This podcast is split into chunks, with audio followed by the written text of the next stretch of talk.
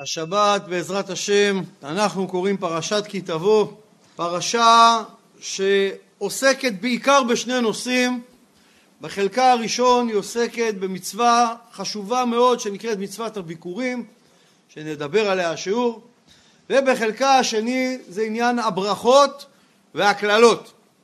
סך קללות, 98 קללות נוראיות, אנחנו יודעים יש לנו קללות גם בפרשת בחוקותיי וגם בפרשה הזאת ובעזרת השם בשיעור הבא אנחנו נתמקד בזה, ננסה להבין למה בכלל צריך קללות. בחירה חופשית, לא? מה, מה נהיה? אבל הפרשה פותחת בענייני הביקורים והיה כי תבוא אל הארץ אשר אדוני אלוהיך נותן לך נחלה וירשת וישבת בה.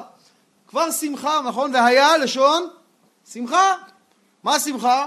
שאתה בא לארץ. וגם מה? ומקבל נחלה, נותן לך נחלה. אם עכשיו היה מתקשר מישהו אומר לך חביבי אתה מקבל נחלה. לא היית מבסוט. אז פה חינם ככה כל אחד מקבל נחלה. אז מה, מה אתה צריך לעשות בתמורה?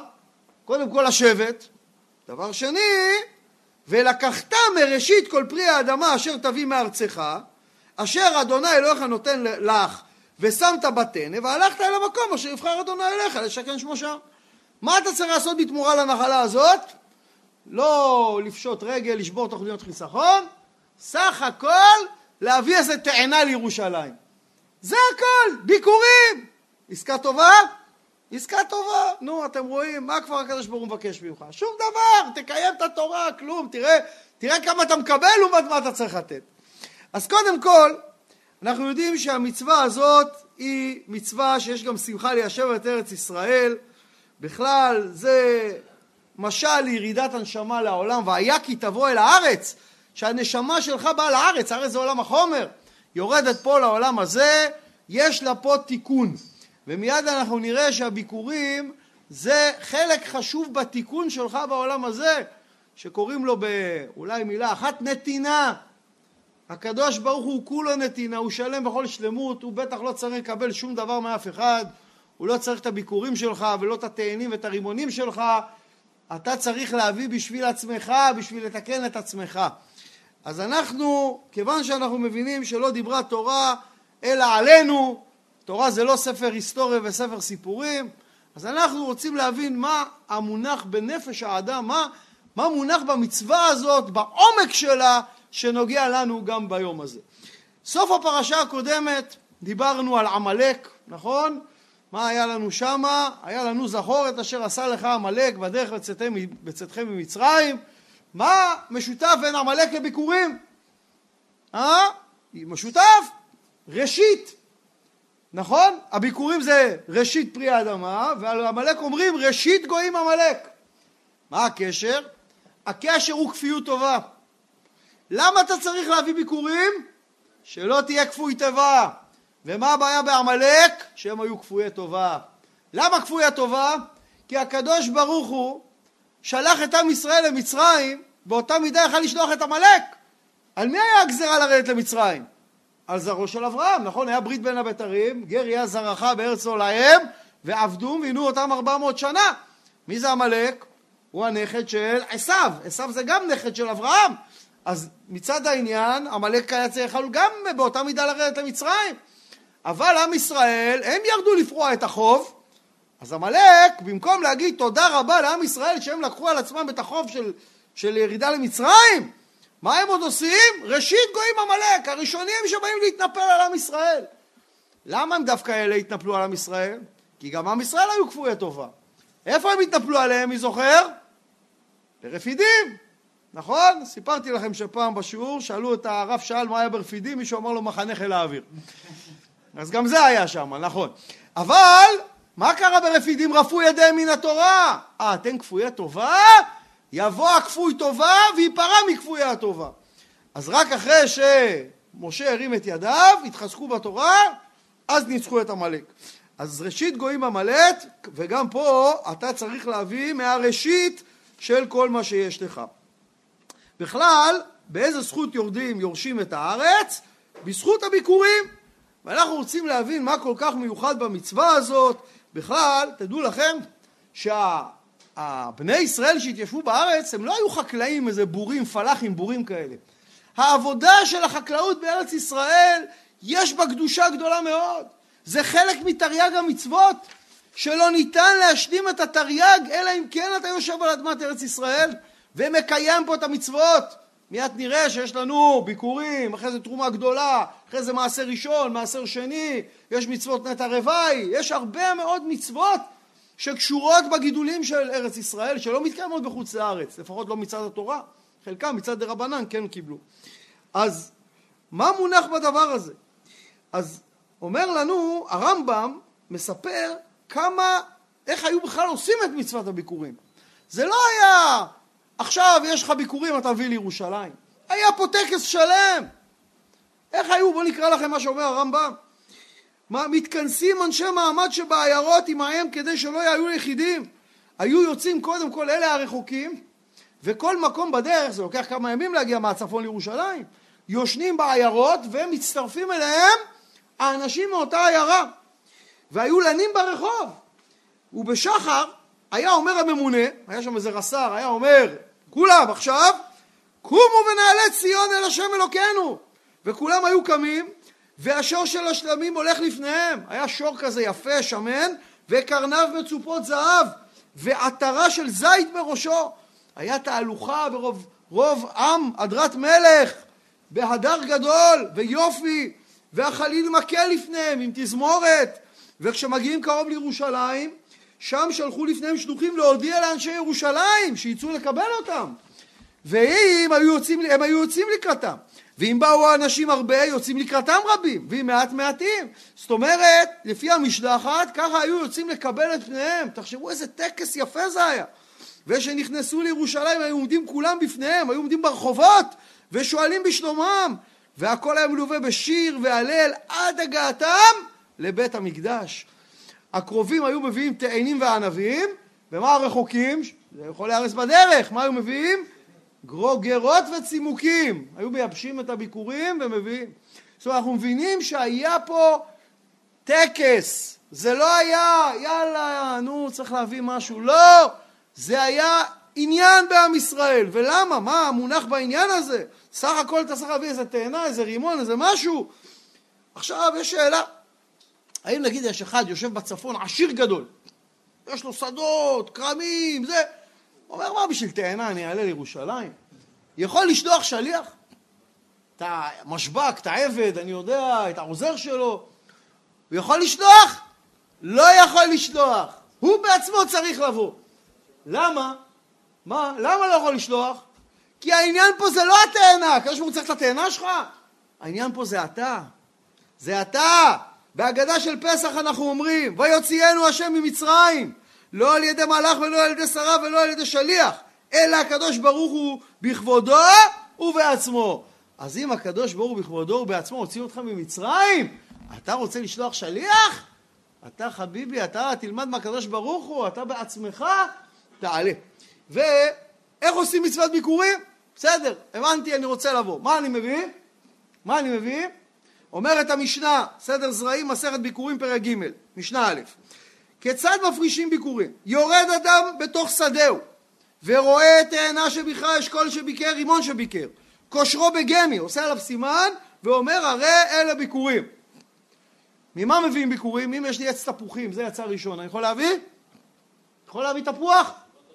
או כל שבעת המינים? לא. משבעת המינים. לא, חיטה ושעורה לא מביאים ביקורים. זאת אומרת, יורד אדם לשדה, יש לו שם תאנה, רימון, גפן, יצא אחד ראשון, אשכול, מסמן אותו ואומר, זה ביקורים, ומחכה שיגדל. האם הוא צריך להביא עכשיו, נגיד, אחרי איזה כמה ימים, התאנה גם הוציאה. עכשיו הוא צריך להביא גם את התאנה? לא. מספיק שיביא ממין אחד. כמה שיעור של ביקורים? לא קבעו שיעור. יכול להביא גם תאנה אחת, יכול להביא יותר, אין בעיה. אבל הרעיון הוא שזה יהיה משבעת המינים. ובמצוות ביקורים יש הרבה תיקונים לנפש האדם, ואנחנו רוצים להבין מה כל כך חשוב במצווה הזאת, שעושים כאלה תהלוכות, ונשמע כמו הכנסת ספר תורה כמעט, נכון? אז קודם כל, המצווה הזאת מלמדת אותך לרסן את התאווה. לרסן את התאווה, למה? איזה תאווה? את התאווה לראשוניות. אדם יש לו בעולם הזה תאווה תמיד לקחת את הראשון לעצמו. אפשר להבין את זה. אדם עבד על העץ, קשקש את האדמה שם, ועדר, והשקע, וזיבל, וטיפל, וגזם, והנה פתאום יוצא לו איזה תאנה ראשונה. אחרי שנה שלמה, בטבע שלו, הוא רוצה את זה לעצמו. עכשיו, אחרי ש... זה כמו, אתם יודעים, עומד סוחר בבוקר בחנות, נכנס, חכה שעה, שעתיים, לא נכנס, פתאום נכנס קונה ראשון, קנה באלף שקל. הוא רוצה את זה לעצמו, זה סופתח. לא, התורה אומרת דווקא את הראשון, שאתה כל כך מתעווה אליו, את זה אתה מביא לקדוש ברוך הוא. למה? בכלל, גם עד היום, שימו לב, כל דבר ראשון נותנים לקדוש ברוך הוא, נכון? אתה פותח את העיניים בבוקר, מה המילה הראשונה שאתה אומר? מודה אני לפניך מלך חי וקיים. קנית בגד חדש, מה הדבר הראשון שאתה עושה? שהחיינו וקיבלנו והגיענו לזמן הזה. פרי חדש, אותו דבר. אתה בא לארוחה, על איזה ביס אתה מברך? על הביס העשירי? על הביס הראשון. למה הקדוש ברוך הוא רוצה את הכל את הראשון? תן לי ליהנות, אם טעים, אחרי זה אני ארגע קצת, נוריד את הרעב, אז אני אברך, מה בוער? מה, מה הלחץ, מה שנקרא? מה, הקדוש ברוך הוא צריך את הראשון? התשובה היא, זה כדי שלך יהיה יותר טוב בעולם הזה. אדם שמונח בתאווה לראשוניות, הוא לא נהנה מהחיים. הוא לא נהנה מהחיים, למה? כי, תגידו, מה יותר מענה, הביס הראשון או הביסים שיבואו אחריו? הראשון, מכל דבר, נכון? כן, יש לך חי סלטים, לא כמו סלט חי, יש לך חי סלטים, אתה רוצה ביס מכל סלט. אחרי שגמרת לטעום מהכל, עכשיו בסדר, אתה כבר יודע מה אתה אוהב, אבל זה כבר פחות כיף. אז כיוון שהביס הראשון הוא הכי טעים, או החוויה הראשונית בכל דבר היא הכי טובה, מה יקרה אחר כך לחוויה השנייה והשלישית? פחות. אז מעצם העניין, שאם אתה את הראשון תיקח לעצמך, אחרי זה אתה פתוח תהנה פחות, נכון? ואז מה יקרה? בפעם הבאה אתה כבר צריך ראשון יותר מרגש, יותר חזק. זה מנגנון הרסני, תדעו לכם, זה מנגנון שככה נופלים לסמים. למה? כי הוא לוקח מנה, זה עושה לו ריגוש. פעם באה אם ייקח אותה מנה, זה כבר לא אותו ריגוש, הוא צריך להגדיל את המנה כדי להגיע לאותו ריגוש של הפעם הקודמת, וכן הלאה וכן הלאה, עד שהוא מגיע לנקודה שהעסק כבר קורס. אותו דבר בכל דבר. בכל דבר אם אתה רוצה את הראשון, אתה לעולם לא תהיה מסופק. הקדוש ברוך הוא אומר, אבל אם אתה את הראשון תביא לי, אתה תראה שאחר כך יהיה לך חיים מספקים ומאושרים. אז הדבר הראשון זה קודם כל לרסן את התאווה. בן אדם יש לו תאווה לתאנה הראשונה, לרימון הראשון, לאשכול הראשון, אבל לא, ברגע שהוא אומר לא, זה לקדוש ברוך הוא, אז הוא קודם כל נרגע, עכשיו הוא מה שנקרא יכול לחיות את החיים בצורה יותר מאושרת. דבר אחר, יש לנו את העניין של הכרת הטוב. למה, מאיפה יש לך תאנה? בזכותך? איך, בכלל חשבתם איך גודל עץ? אתה לוקח זרע קטן, שם באדמה, קצת משקה, זבל, פתאום מהדבר הזה הוא נרקב באדמה, יוצא עץ, הוא גדל, ואחר כך מהדבר הזה יוצאים פירות. ממה נהיה פירות? אני שמתי כזה זרע, איך נהיה פתאום עץ עם פירות? הקדוש ברוך הוא הופך אדמה לפרי. אתם קולטים? הוא לוקח, העץ זה מכונה שהקדוש ברוך הוא יצר אותה, וזה הופך אדמה לפרי. או אתה שם ש... גרעין שיבולת אחד, יוצא מזה שיבולת עם איזה עשרים, שלושים גרעינים. איך זה הקסם הזה? אתה עשית את זה? אתה רק שם את הגרעין באדמה, חביבי, וגם את הגרעין הזה, אתה, זה לא משלך, זה מהקדוש ברוך הוא, מה, מהשדה הקודם. אז אתה, שיהיה לך הכרת הטוב, חביבי. זה כמו אחד שצריך לדעת, אחד אומר, אני, אני יודע לעשות כסף, אני יודע איזה מניה לקנות, איזה נכס לקנות, איך למכור סחורה, לקנות סחורה. אתה, אתה יודע את כל זה. ומי שם לך את זה בראש מה לקנות, מה למכור? מי אמר לך איזה הזדמנות לקחת? הלא פיוז אחד, פינג, קופץ לך מיתר אחד קטן במוח, אתה כבר לא יודע איפה אתה נמצא בכלל. אז אתה, שיהיה לך הכרת הטוב, שהקדוש ברוך הוא נותן לך שפע, שלא תהיה כפוי טובה. תדעו לכם, אחד הדברים הכי גרועים זה לנשוך את היד שמאכילה אותך. שאדם לא יהיה כפוי טובה, את הראשון, תגיד, איך אומרים? אתה, אתה אומר, זה אני יודע, בזכות מי יש לי את זה. בגלל זה אתה צריך את הראשון להביא לקדוש ברוך הוא בכל דבר. ודבר נוסף, זה לטוע באדם ענווה. זוכרים אמרנו שאתה לא יכול לשלוח את השליח? זאת אומרת כולם צריכים להביא ביקורים, הכוונה כל מי שיש לו מטע, עצים. אם יש לך נגיד, שכרת עץ נגיד יש חבר שלך יש לו פרדס ואתה שכרת ממנו עץ. אתה צריך להביא ביקורים? אתה משכיר עץ. משכיר, אני משלם לו כל חודש 100 שקל, שהפירות של העץ הזה יהיו שלי. אני צריך להביא ביקורים? התשובה היא לא. רק אם יש לי שלושה עצים ומעלה. שני עצים לא צריך. שלושה עצים זה כבר יש לי כבר מיני מטע, אז אני כן אצטרך. אז יש תנאים. אז לא כל אחד מביא, מביא רק מי שיש לו מה להביא. זה כמו לא כל אחד עושה פטר חמור, נכון? אתה צריך שיהיה לך אתון שתוליד חמור בחור. אז אתה, מי שמביא ביקורים, בדרך כלל יש אחד מאוד עשיר, ואחד שהוא, אתה יודע, כולה יש לו שלושה עצים. זה נוטע בעשיר ענווה, שזה משווה מעמדות, שגם העשיר צריך לבלוע את הגאווה ולעלות לירושלים. אומרים לנו אפילו, משנה ביקורים ג', רמב"ם, אפילו אגריפס המלך נוטל את הסל על כתפו ונכנס. אפילו המלך היה מביא ביקורים עם הסל לירושלים. אז היה הבדל, תכף נראה, העשירים היו מביאים טנא מזהב וכסף, והעניים היו מביאים טנא מנצרים. אז היה הבדל, אבל עדיין כולם צריכים להביא ביקורים. דבר נוסף, הביקורים יוצרים קשר והתקרבות לקדוש ברוך הוא. שמה? שאדם בזכות הביקורים זוכר גם את הזמנים הקשים. זה שעכשיו יש לך מה להביא, זה כי עכשיו יש לך, אבל מה עם הזמנים שלא היה לך, והתפללת וביקשת, אז עכשיו אתה בא לקדוש ברוך הוא, לבית המקדש, תגיד תודה רבה. איך, מה, מה התכלית של היהודי בעולם הזה? היא אחת, תדעו לכם. להתקרב לקדוש ברוך הוא עד אין קץ, כמה שאתה רק יכול. אין לך תכלית אחרת בעולם הזה. כל דבר שאתה עושה בעולם הזה שמקרב אותך לקדוש ברוך הוא, זה עושה אותך מאושר ובונה אותך קדימה, בעולם הזה וגם לעולם הבא. וכל דבר בעולם הזה שאתה עושה שמרחיק אותך מהקדוש ברוך הוא, והעץ הרע עובד על זה שאתה תתרחק, זה עושה אותך בסוף עצוב ומביא עליך צרות. אז תדעו לכם, יש תכלית אחת. איך מתקרבים לקדוש ברוך הוא? מקיימים את התורה, אין משהו אחר.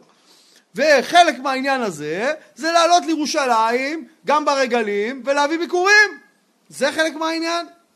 שלא יהיה וישמן ישורון ויבעט. עכשיו, אנחנו רוצים להבין למה הקדוש ברוך הוא, דיברנו על זה, הוא רוצה את כל הראשוניות לעצמו כדי שיהיה לך טוב. אנחנו יכולים ללמוד מגדולי ישראל, בתורה כמובן, מה המשמעות לתת את הכי טוב לקדוש ברוך הוא. אנחנו זוכרים את המפגש בין יעקב ליוסף. 22 שנה יעקב לא ראה את יוסף, נחטף, טרף טורף יוסף. והנה באים אומרים לו עוד יוסף חי והוא מלך במצרים ויעקב יורד מצרימה אחרי 22 שנה עוד רגע, עוד רגע הוא רואה את הבן שלו, את יוסף שלא ראה אותו.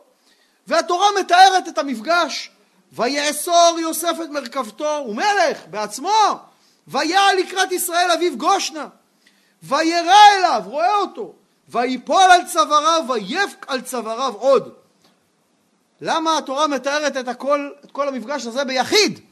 היא הייתה צריכה להגיד, מה? ויראו זה אל זה, ויפלו איש על צווארו, ויבכו, לא, הכל ביחיד.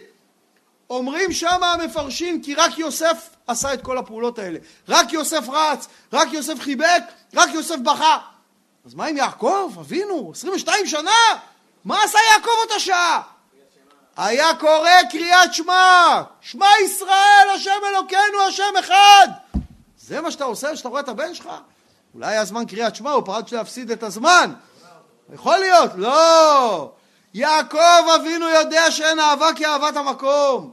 ובאותו רגע את כל התחושות, את כל האמוציות, את כל הדבר הזה שהוא אולי פעם בחיים אתה יכול להרגיש כזה דבר, לראות את הבן שלך אחרי 22 שנה, הוא אמר קודם כל אני מקדיש את זה לקדוש ברוך הוא ואחר כך אני ארשה לעצמי לבכות ולחבק את הבן שלי. זה הגדולה של יהודי, ככה יהודי צריך. כל החלב להשם. כל הטוב שיש לך בעולם הזה תקדיש לקדוש ברוך הוא. לא כי הקדוש ברוך הוא צריך את זה, כי אתה צריך את זה. כי ככה אתה בונה את הכלי בעולם הזה, שאתה מבין שכל מה שאתה מקבל בעולם הזה זה חלק מהתיקון שלך. אדם בסוף עוזב את העולם, אומר דוד המלך, צובר ואינו יודע מי אוספם. צובר נכסים, מכוניות, נדל"ן, זה, כסף, קופות, תוכניות. יום אחד אתה עוזב את העולם, הכל נשאר פה. אז מה, אז מה יצא לך מזה? תבוא לעולם האמת, מה תגיד, היה לי 100 מיליון דולר בחשבון? יגידו לך, עכשיו זה כבר לא שלך.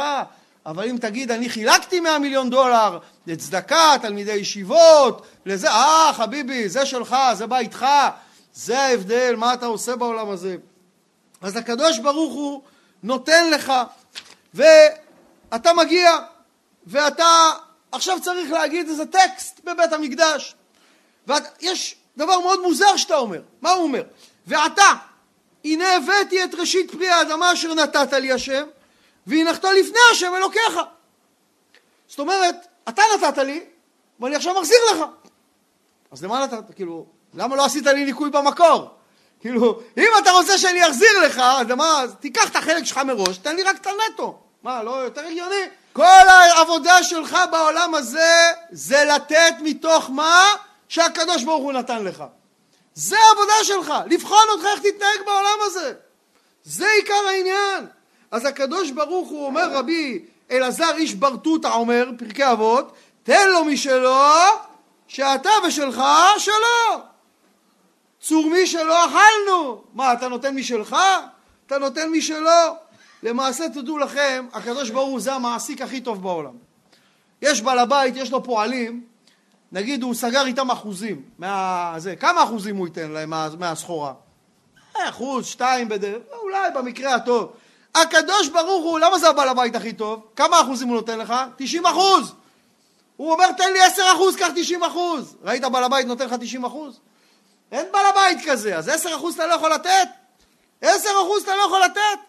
זה אומרים, אתה רוצה לקרב יהודי, אז אתה אומר לו, נגיד, הוא, אתה, איך אתה מקרב אותו? אתה אומר לו, תראה, אם אני נגיד עכשיו, אני אתן לך בונבוניירה עם 24 שוקולדים.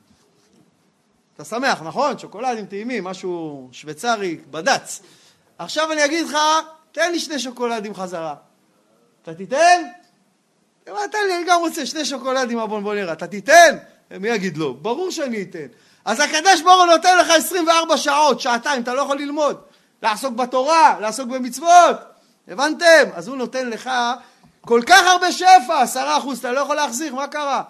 אז זה בדיוק העניין, למה זה כל כך קשה? כי היום שאין בית מקדש, ומה, מה, אז אין ביקורים היום, מה אתה צריך לתת? מעשר, מינימום מעשר, שלא נדבר, יש אומרים עשר תעשר זה חומש, זה עשרים אחוז. למה אתה צריך לתת מעשר? למה? כי בשביל זה קיבלת כסף. אומרים אפילו עני שחי מהצדקה צריך לתת. כי כל הברכה שלך זה הנתינה, אנשים לא מבינים את זה. הם חושבים אם הוא ייתן יהיה לו פחות. למה הוא חושב ככה? כי בעולם החומר יש אשליה. מה האשליה? אם אני יש לי עכשיו מאה ואני אתן עשר, כמה נשאר לי? לא, נשאר לך עשר. תשעים מתבזבז, זה אתה תשרוף על כל מיני הוצאות. עשר זה שלך לנצח. הבנתם? זה בדיוק העניין. בעולם הרוחני שאתה נותן אתה בורא שפע. שאתה נותן עשר אתה בראת עוד עשר. ופעם באה הכלי עכשיו הרוחני שלך גדל, יכול להיכנס יותר שפע. אבל יש לך אשליה, היצר הרע אומר לך לא יהיה לך פחות, השפע מוגבל, לא כדאי לך, אתה תיתן לא יהיה לך. זה עצת היצר, למה? כי בשכל שלך השפע נראה מוגבל, הקדוש ברוך הוא מוגבל. הקדוש ברוך הוא מוגבל, השפע מוגבל. הקדוש ברוך הוא בעיה לא ברגע אחד לתת לך מחשבה מה לקנות, מה למכור, לעשות אותך עשיר? כמה סיפורים יש על כאלה שלא היה להם כלום, פתאום נהיו עשירים, וגם ההפך חס ושלום. אז אתה אל תעשה את החשבון. אומר לנו מלאכי ג' מה? ונתתי לך ברכה עד בלי די שהשפתיים שלך יגידו די, כמה שפע, אני כבר לא יכול, די. כמה, מה אני אעשה עם כל כך הרבה, ברוך השם. אז אתה מבין שעל כל דבר אתה צריך לתת את הראשון לקדוש ברוך הוא, וגם מהכסף שלך לתת לקדוש ברוך הוא מעשר, למה? כדי שיהיה לך ברכה בכסף. בכלל, אנחנו רואים גם יש קשר בין הביקורים לחודש אלול, ראש השנה, נכון? למה? כי ביקורים אמרנו אתה לא בא ישר מביא, אתה צריך הכנה. להכין, לזה, לעלות ירושלים, לצאת, גם ראש השנה אתה צריך הכנה. אתה לא בא ישר, ראש השנה, יש כאלה, הם בכלל לא מודעים שראש השנה, יום לפני שמים איזה חולצה לבנה, באים לבית כנסת, שומעים איזה זה, מחר שופר, איזה יופי, זה. היה לו ככה בימים ראש השנה? יש לך משפט בשמיים, ככה יש לך משפט כאן, אצל שופט בשר ודם, אתה בא יום לפני בלי להתכונן? אתה מכיר אחד כזה? לא תגיד על כל החיים שלך, רק על מאה אלף שקל. אתה לוקח עורך דין, ותחבולות, ולא יושן בלילה, ואני אעשה ככה וככה, והוא יגיד ככה, אני אענה ככה.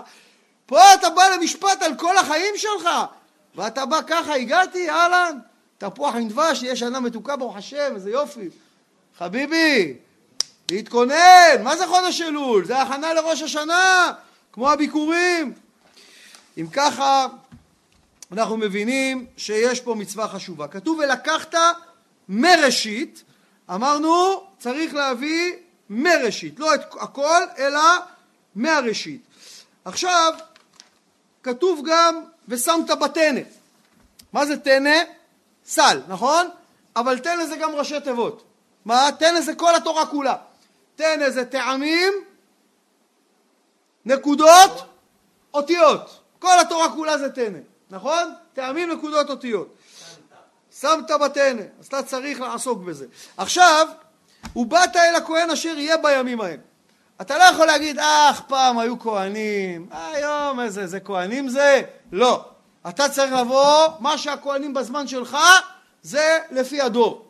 כמו שהיום הרבנים, אתה לא יכול להגיד, אך, איפה יש היום מישהו כמו הרב עובדיה, יש מישהו ראש כמו הרב קנייבסקי, כמו ה... בזה, לא. הרבנים שיש לך זה הרבנים הכי טובים. זה גדולי הדור, זה גדולי הדור שלך. ועכשיו אתה עולה לירושלים, וענית ואמרת. עכשיו אתה צריך להגיד טקסט, שמה? הכהן לוקח את הטנא כמובן מידיך, וענית ואמרת לפני השם אלוקיך, ויש טקסט. בהתחלה, מי שהיה יכול לקרוא קורא, ומי שלא היה יכול לקרוא היו מקריאים לו. אבל אז מה קרה? היו אנשים מתביישים, לא ידעו לקרוא, לא עלו, לא הביאו ביקורים. ואז החליטו, כולם מקריאים להם, שלא יהיה איפה ואיפה. אז מה אתה מקריא? עכשיו טקסט. מה אתה אומר? ארמי עובד אבי, וירד מצרימה ויגור שם במתי מעט, ויהי שם לגוי גדול עצום ורב. מכירים את הטקסט הזה? אגדה של פסח, נכון? ויראו אותנו המצרים ויענונו ויתנו עלינו עבודה קשה ונצעק אל השם אלוקי אבותינו וישמע השם את קולנו ויראה את עוניינו ואת עמלנו ואת לחצנו ויוציאנו השם ממצרים ביד חזקה ובזרוע נטויה באומרה גדול באותות ובמופתים ועוד מעט נמשיך. מה הסיפור הזה? מה אתה עכשיו בא שיעור היסטוריה? שיעור היסטוריה יש משמעות להיסטוריה. למה?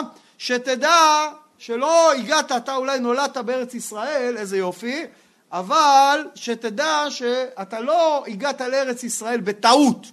יש מהלך שלם פה מאחורי הסיפור הזה. אתה לא, אוקיי, יש לי תאנה, אני מביא אותה. לא. התחלת בזה ארמי עובד אבי. מי זה ארמי? לבן הארמי. מה זה ארמי עובד אבי? מה משמעות המילה? ארמי עובד, עובד באלף, לא בעין. שארמי עובד אבי, יש שני פירושים. אחד, שאבי, אבי יעקב, שעבד אצל הארמי, אצל לבן, עובד, נאבד לו. ברח לו אחרי 20 ו-22 שנה, עובד. נעלם לו, ברח לו. ככה התחיל המהלך שהוביל בסוף לירידת מצרים, נכון? ויש ארמי עובד אבי, שהארמי רצה לעבד את אבי, נכון? רצה להרוג. לבן רדף אחרי יעקב, להרוג אותו הם על הבנים. אז ארמי עובד אבי. למה זה מעניין אותנו? מה אכפת לי עם... אתה רוצה לספר לי עכשיו על ירידת מצרים, על יציאת מצרים, שבאתי לארץ ישראל, ועכשיו אני צריך להביא ביקורים. מה אכפת לי מלבן הארמי? בזכות לבן הארמי ירדנו למצרים. אתם יודעים שבזכות לבן הארמי? איך? איך? כי יעקב בא ללבן בשביל מי להתחתן עם מי? עם רחל. מה היה קורה אם הוא היה מתחתן רק עם רחל? היו יורדים למצרים? היה נולד יוסף, בנימין, שלום, למה לרדת למצרים? מה קרה? מי החליף לו את הקלות בלילה? לבן הארמי. בגלל שהחליף לו את הקלות, מי נולד ראשון? ראובן. נכון? אחרי זה ראובן, שמעון, לוי, יהודה, זה, ואז מי נולד אחרון? יוסף בן זקונים. בגלל זה דיבר לשון הרע באחיו, בגלל זה מכרו אותו למצרים. אז בגלל מי ירדנו למצרים? בגלל לבן הערבי שהחליף את הקלות. כאילו בטעות, נכון? אתם רואים שאפילו הדבר הכי גרוע זה מהקדוש ברוך הוא. אז אתה מתחיל משם, ואתה ממשיך שמה? שאחרי זה וירד ויגור במצרים. מה זה ויגור? בא להיות גר. לא להשתקע. חלק מהתיקון, בשביל לקבל תורה צריך לרדת למצרים, אז אתה חוזר על זה. ושם היינו לגוי גוי עצום ורב, נכון? שנאמר שילדו שישה בכרס אחת. ויראו אותנו המצרים. מה זה ויראו אותנו המצרים? ויראו לנו. מה זה אותנו? עשו אותנו רעים. אדם שדבוק ביצריו, הם עושים אותו רעים, ויראו אותנו היצרים. אדם ש... מה, למה הם ויראו אותנו? כי היו אומרים, מי שלא גומר את המכסה, לוקחים את הילד שלו, שמים אותו בקיר. אז נהיו רעים אחד לשני, כי כל אחד לא רצה שישימו את הילד שלו בקיר. אז הם נהיו רעים, ומה? ויענונו. ואז ונצעק אל השם אלוקי אבותינו. כשאדם צועק, יהודי צועק, לפעמים יש לו גאווה, הוא לא צועק לשם. הוא לא צועק לשם! עד שנשברת הגאווה, אומרים שיש התערותא דלתתא, יש התערותא דלעילא. אז כשעם ישראל צועק לשם, מהצרות לצערנו, וישמע השם את קולנו וירא את עוניינו, ומה ואת לחצנו ויוציאנו ממצרים, ביד חזקה, בזרוע נטויה, ויביאנו למקום הזה ויתן לנו את הארץ הזאת, זבת חלב ודבש. אז בזכות מה אתה פה עכשיו חביבי? בזכות כל התהליך שעברת, זה התהליך שאתה עובר, שהנשמה שלך עוברת. אתה יורד לפה כדי לצאת ממצרים, להשתחרר מהיצרים שלך, להשתחרר מהרצון שלך רק לפנק את עצמך, ואתה לומד להביא ביקורים, שיהיה לך הכרת הטוב, שבזכות הזאת יבוא משיח צדקנו במהרה בימינו אמן ואמן ברוכים תהיו.